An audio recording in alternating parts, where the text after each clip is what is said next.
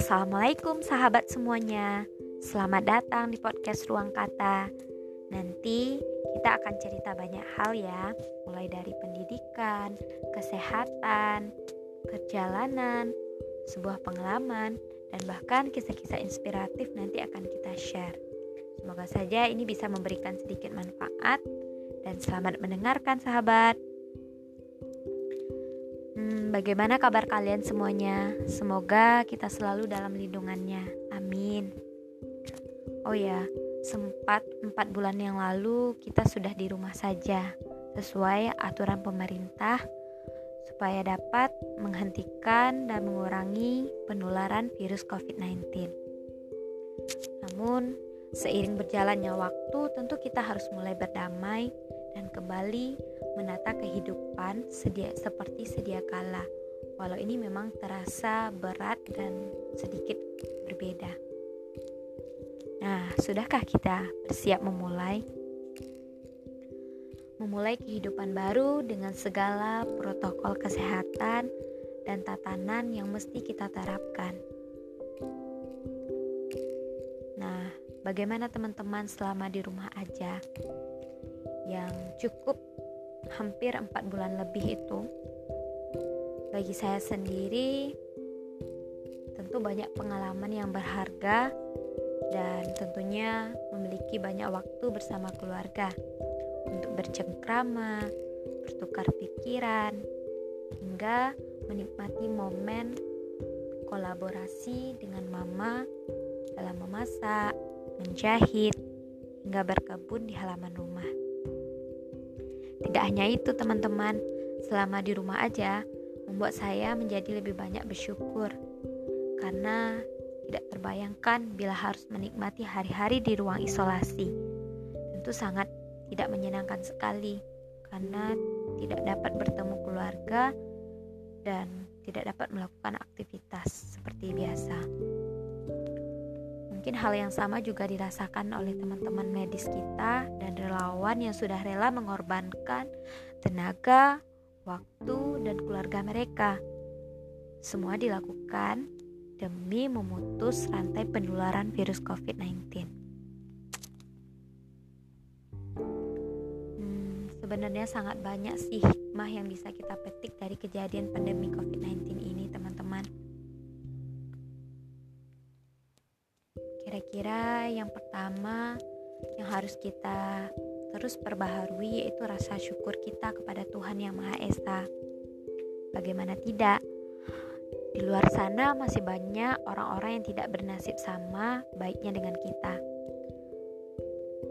Meski di rumah saja, alhamdulillah kita masih bisa bekerja, belajar, dan bertemu dengan sanak saudara walau secara virtual. Teman-teman bisa bayangkan bagaimana anak-anak di desa sana yang sangat terbatas untuk akses jaringan dan tidak semuanya juga mempunyai aplikasi atau mempunyai media internet yang bisa digunakan untuk belajar di rumah. Dan tentu saja tidak semua orang tua juga yang mampu membimbing dan memahami sistem pembelajaran daring ini. Kemudian kita juga rasakan hal yang sama, mungkin sebagian teman-teman ataupun rekan-rekan di luar sana yang ma yang mana diberhentikan begitu saja dari pekerjaannya tanpa ada jaminan yang diberikan. Padahal kebutuhan di rumah dan keluarga itu semakin banyak. Apalagi seorang ayah yang harus bekerja menghidupi keluarga dan anak-anaknya. Terpaksalah mereka harus menikmati sarapan pagi, siang, kemudian makan siang, dan malam yang seadanya harus berbagi satu sama lain. Selanjutnya poin kedua teman-teman. Bagi saya, pandemi COVID-19 ini juga salah satu bahan untuk mengintrospeksi diri tentang begitu pentingnya menjaga kesehatan. Memang sih untuk hidup sehat itu mahal. Tapi ketika kita menderita penyakit atau jatuh sakit itu bahkan membutuhkan biaya yang jauh lebih besar. Karena ini juga akan berdampak pada kehidupan ekonomi keluarga. Keluarga lebih membutuhkan biaya pengobatan, kemudian berapa banyak waktu-waktu produktif yang dikorbankan karena adanya anggota keluarga yang sakit. Jadi, sangat bersyukur sekali kita masih diberikan kesehatan dan masih dapat menikmati aktivitas seperti biasa walau sempat dihabiskan selama empat bulan di rumah saja. Saya jadi ingat semasa almarhum papa hidup dulu. Mungkin ini hanya terlihat sederhana tapi sangat bermakna bagi saya. Semasa beliau hidup dulu, di mana almarhum papa ini sangat rajin menanam berbagai macam buah-buahan dan juga tanaman lainnya yang hingga kini masih ada dan diwariskan kepada kami. Semoga saja ini bisa kami jaga dan kami rawat dengan baik. Sebenarnya ini salah satu bentuk investasi yang sangat mudah dan murah dilakukan siapa saja. Dan alhamdulillah hingga kini kami bisa memetik hasil kebun sendiri seperti sayur terong, daun ubi, rimbang, sayur kangkung yang dapat kami petik kapan saja kami mau.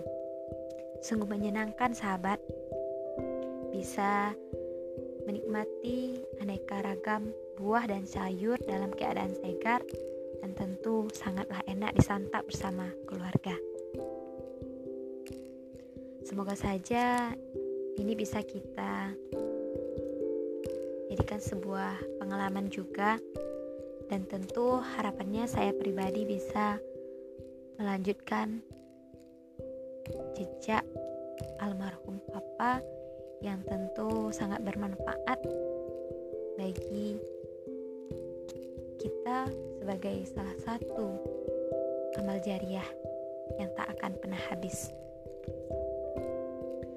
Lanjut teman-teman poin ketiganya yaitu sudah sepatutnya kita selalu selalu up, mengupgrade potensi diri dan memperbarui semangat.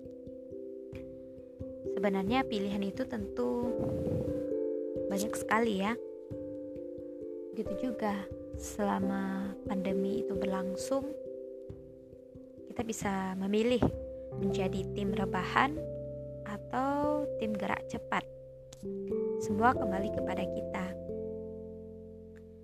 Kalau saya pribadi sih tentu ada merasakan bosan, jenuh, pasti ada. Kadang ada juga keinginan untuk menikmati udara luar dan menyaksikan keramaian kota. Tapi demi kita semua, biarlah kita mengalah untuk satu langkah agar dapat maju seribu langkah ke depannya. Nah, ketika saya merasakan jenuh saat di rumah saja, saya akan cepat-cepat kembali mengingat bahwa masih banyak sekali ribuan orang-orang yang terdampak dan tidak seberuntung saya. Nah, kita lanjut ya teman-teman. Kira-kira yang keempat itu terkait dengan ikhtiar kepada Tuhan Yang Maha Esa. Sebenarnya ini juga sebagai bentuk ujian atau rasa sayang Tuhan kepada kita. Dan tidak ada juga ujian yang diberikan Tuhan kepada hambanya melampaui batas kemampuan hamba. Jadi tidak sepatutnya kita menyerah dengan keadaan. Tetap lakukan usaha terbaik semampu yang kita bisa. Soal hasil, biar diserahkan saja pada Tuhan yang Maha Adil. Saya juga sangat senang dan mengapresiasi rekan-rekan yang selama di rumah semakin kreatif. Ada yang saya lihat mulai melaksanakan bisnis online, mulai dari memasarkan makanan, barang-barang atau bentuk kerajinan tangan. Kemudian juga mengisi ribuan acara webinar di media sosial seperti Instagram, WhatsApp, dan juga aplikasi-aplikasi online lainnya yang tentu bisa memberikan informasi dan juga kebermanfaatan bagi orang lain. Ada juga yang saya lihat sibuk dengan membantu usaha orang tua mereka. Ada yang membuat masker kain, kemudian masih banyak lagi ide-ide kreatif yang bermunculan yang tidak hanya sekedar memberi keber kebermanfaatan bagi sesama, tapi juga memberi pemasukan bagi keluarga. Poin kelimanya, meningkatkan kualitas dan kuantitas ibadah. Mungkin ya, selama ini kita terlalu sibuk di luar rumah dengan rentetan tugas dan pekerjaan membuat kita memiliki waktu terbatas untuk lebih lama dekat dengan Tuhan. Nah, selama pandemi kemarin itu dan di rumah aja membuat kita semakin punya banyak waktu untuk beribadah, mengikuti kajian online, dan membaca buku. Kira-kira itulah teman-teman beberapa hikmah yang sesungguhnya bisa kita renungi sama-sama bahwasanya ini juga sebagai bentuk Tuhan masih sayang kepada kita. Nah, buat kita semua yang akan memasuki atau yang sudah menjalani era new normal, tetap ikuti protokol kesehatan ya terutama saat melakukan aktivitas di luar rumah. Yang pertama, penting sekali tetap gunakan masker dan jaga jarak aman minimal 1 meter, serta hindari keramaian. Yang kedua, tetap jaga kesehatan tubuh dengan mengkonsumsi makanan bergizi dan seimbang. Jangan lupa juga sayur, buah, dan air putih yang banyak. Ketiga, teman-teman tetap dukung gerakan masyarakat hidup sehat dengan melakukan aktivitas fisik dan olahraga baik di luar maupun di dalam rumah. Nah, buat teman-teman yang ingin menikmati olahraga di luar rumah, tetap gunakan masker ya. Tapi sebaiknya waktu atau intensitasnya dikurangi dulu agar ini juga tidak berdampak pada sistem pernapasan kita saat berolahraga. Yang keempat, tetap jaga mood untuk tetap happy, stabil. Tentu lakukan saja hal-hal positif yang bisa membuat kita bahagia dan hidup akan menjadi lebih berwarna. Sudah cukup lama juga ya teman-teman kita bincang-bincang dan bagi-bagi pengalaman saya selama di rumah aja. Semoga saja ini sebagai bentuk awal kita untuk terus semangat bekerja, belajar di mana pun dan kapan pun. Sebagai penutup, kita memang tidak pernah tahu nikmatnya hidup sehat lahir dan batin bila kita tidak pernah mau bergerak mencoba untuk meraihnya. Jadi, buat teman-teman, tetap jaga kesehatan ya. Salam sehat. Assalamualaikum warahmatullahi wabarakatuh.